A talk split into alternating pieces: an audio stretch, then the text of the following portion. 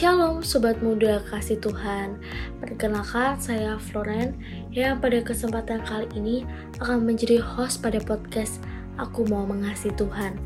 Tentunya Sobat Muda sudah sering mengikuti setiap episode dari podcast ini kan? Podcast yang dibuat oleh Program Student Revival atau BSR ini mengajak Sobat Muda untuk belajar mengasihi Tuhan Podcast ini akan rilis setiap hari Jumat jam 3 sore. Jadi, setialah mengikuti setiap episodenya ya. Jangan sampai ada yang terlewatkan supaya sobat muda bisa belajar dengan lengkap dan bisa mengalaminya dalam hidup sobat muda semua. Oke, sobat muda semua, sekarang kita akan ngobrol-ngobrol lewat segmen BTW, bincang-bincang teman weekend. Pada BTW kali ini saya tidak sendirian, saya akan berbincang-bincang dengan tamu spesial untuk bisa belajar bersama. Siapakah tamu spesial kita kali ini? Jangan ke mana-mana, stay tune terus di sini ya. Podcast BTW kali ini merupakan rangkaian episode dari topik yang baru di bulan November ini, yaitu topik mengenal Allah. Dan khusus minggu ini kita akan belajar dengan tema bagaimana mengenal Allah. Kita sudah bersama gue star kita kali ini yaitu Mas Herman. Yuk kita sapa dulu. Halo Mas Herman, apa kabar? Sehat ya Mas? Halo Floren, puji Tuhan kabar saya baik dan sehat. Senang ya bisa bertemu dalam podcast ini bersama Floren dan sobat muda semua. Kalau Floren sendiri gimana kabarnya? Bersyukur kabar saya juga baik dan sehat mas. Kiranya sobat muda juga dalam keadaan yang baik dan sehat ya.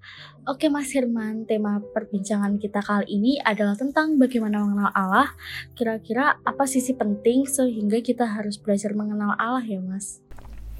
Oke Floren, kalau kita melihat fakta dalam kehidupan orang Kristen, mengapa begitu banyak kejahatan muncul dari orang-orang Kristen? Sering berbuat dosa dan lain sebagainya. Salah satu penyebabnya adalah karena adanya pandangan yang tidak tepat tentang Allah. Kok bisa? Jadi, banyak orang Kristen memandang Allah yang agung, Allah yang Maha Kuasa itu dengan konsep yang terlalu rendah. Orang Kristen kehilangan rasa hormat yang semestinya kepada Tuhan. Orang Kristen juga kehilangan semangat untuk berbakti dan menyediakan waktu dengan Allah. Begitulah fakta bahwa adanya kemerosotan pengenalan akan Allah. Maka dari itu, betapa pentingnya kita mengenal Allah itu dengan benar. Wah, ternyata sebegitu pentingnya ya Mas, kita harus mengenal Allah dengan benar.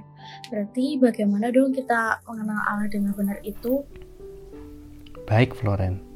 Hal terpenting yang perlu dimiliki seorang Kristen bukanlah apa yang dikatakan atau apa yang dilakukannya, melainkan bagaimana dia bersikap kepada Allah dari hatinya yang terdalam.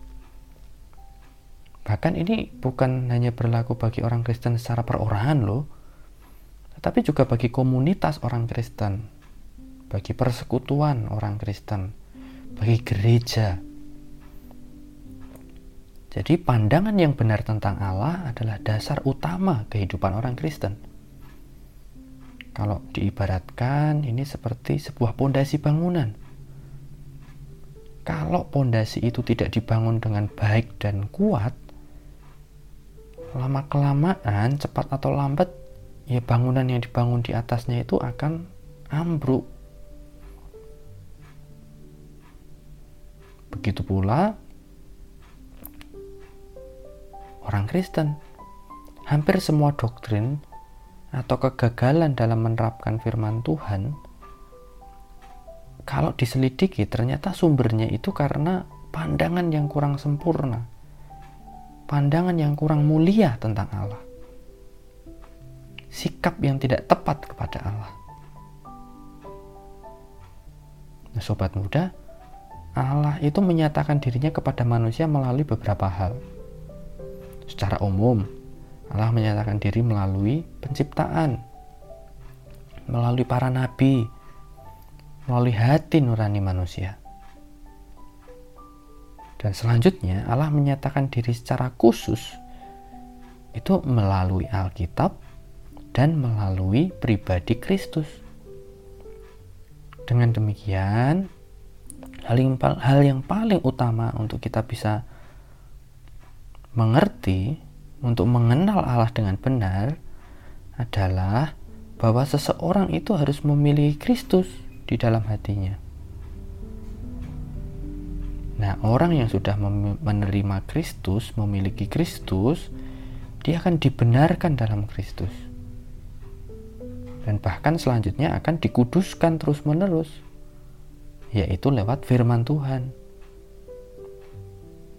Orang percaya perlu terus bertumbuh dalam firman. Orang percaya perlu sungguh-sungguh belajar firman Tuhan.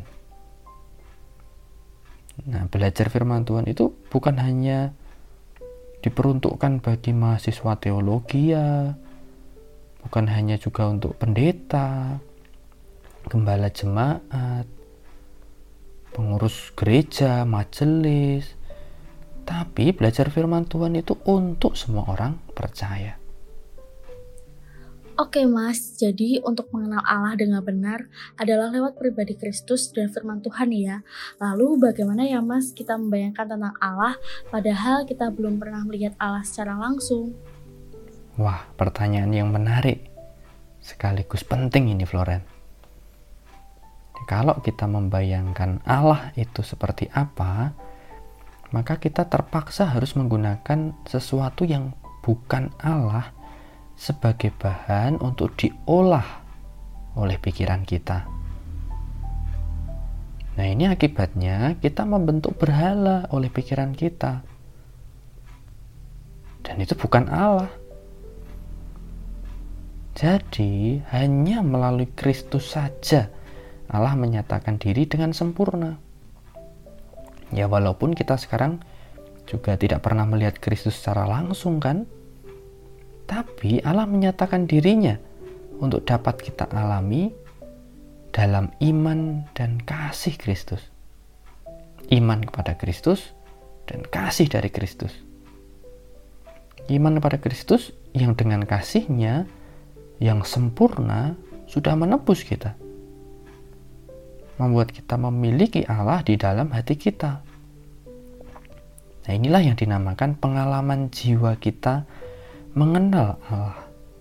Segenap pikiran dan hati kita menikmati kasih Allah yang sejati. Oke Mas Herman, luar biasa sekali. Jadi dari semua yang sudah dijelaskan, kesimpulan apa yang bisa kita ambil tentang bagaimana mengenal Allah itu ya Mas?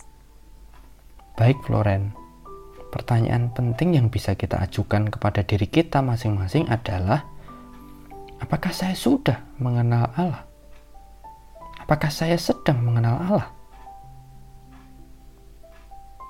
Jadi jawaban atas pertanyaan-pertanyaan itu dapat kita temukan dalam beberapa bagian firman Tuhan berikut. Saya membacakan dua bagian. Bagian pertama dari 1 Yohanes 5 ayat 11 sampai 13. 1 Yohanes 5 ayat 11 sampai 13. Dan inilah kesaksian itu Allah telah mengaruniakan hidup yang kekal kepada kita dan hidup itu ada di dalam anaknya. Barang siapa memiliki anak, ia memiliki hidup. Barang siapa tidak memiliki anak, ia tidak memiliki hidup. Semuanya itu kutuliskan kepada kamu, supaya kamu yang percaya kepada nama anak Allah tahu bahwa kamu memiliki hidup yang kekal. Lalu bagian firman Tuhan yang kedua, Yohanes 17 ayat 3. Yohanes 17 ayat 3. Inilah hidup yang kekal itu, yaitu bahwa mereka mengenal Engkau satu-satunya Allah yang benar dan mengenal Yesus Kristus yang telah Engkau utus.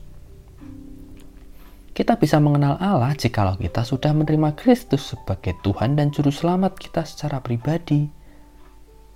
Dan kita berada pada pengenalan yang makin dalam dengan Tuhan melalui persekutuan pribadi kita dengan Kristus dan firman-Nya. Sebab Allah telah menyatakan dirinya dengan sempurna hanya di dalam Kristus dan firman-Nya. Di luar itu bukanlah pengenalan akan Allah. Nah, dalam podcast selanjutnya selama bulan November ini kita akan belajar mengenali sifat-sifat Allah yang dinyatakan dalam firman-Nya. Jadi teruslah mengikuti rangkaian pelajaran tentang mengenal Allah ini ya. Oke Mas Herman, terima kasih banyak untuk pelajaran yang dibagikan kali ini. Kiranya sobat muda semua terberkati melalui perbincangan kali ini. Tuhan Yesus memberkati Mas Herman. Sama-sama Floren, Tuhan Yesus memberkati Floren dan sobat muda semua ya.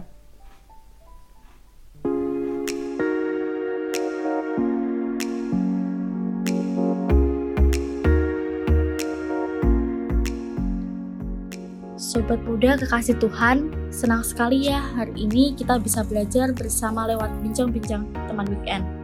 Sobat muda, jangan sampai terlewatkan untuk mendengarkan bincang-bincang teman weekend minggu depan ya. Minggu depan kita akan belajar lanjutan mengenai topik mengenal Allah ini. Tentunya bincang-bincang minggu depan tidak kalah seru untuk kita pelajari dan kita alami bersama. Kalau ada sobat muda yang ingin berdiskusi, bertanya atau memberikan masukan, boleh deh Sobat Muda sampaikan lewat Instagram WSR di @wsstudentrevival. Oke, sekian podcast kali ini. Gabung lagi minggu depan ya. Tuhan Yesus berkati.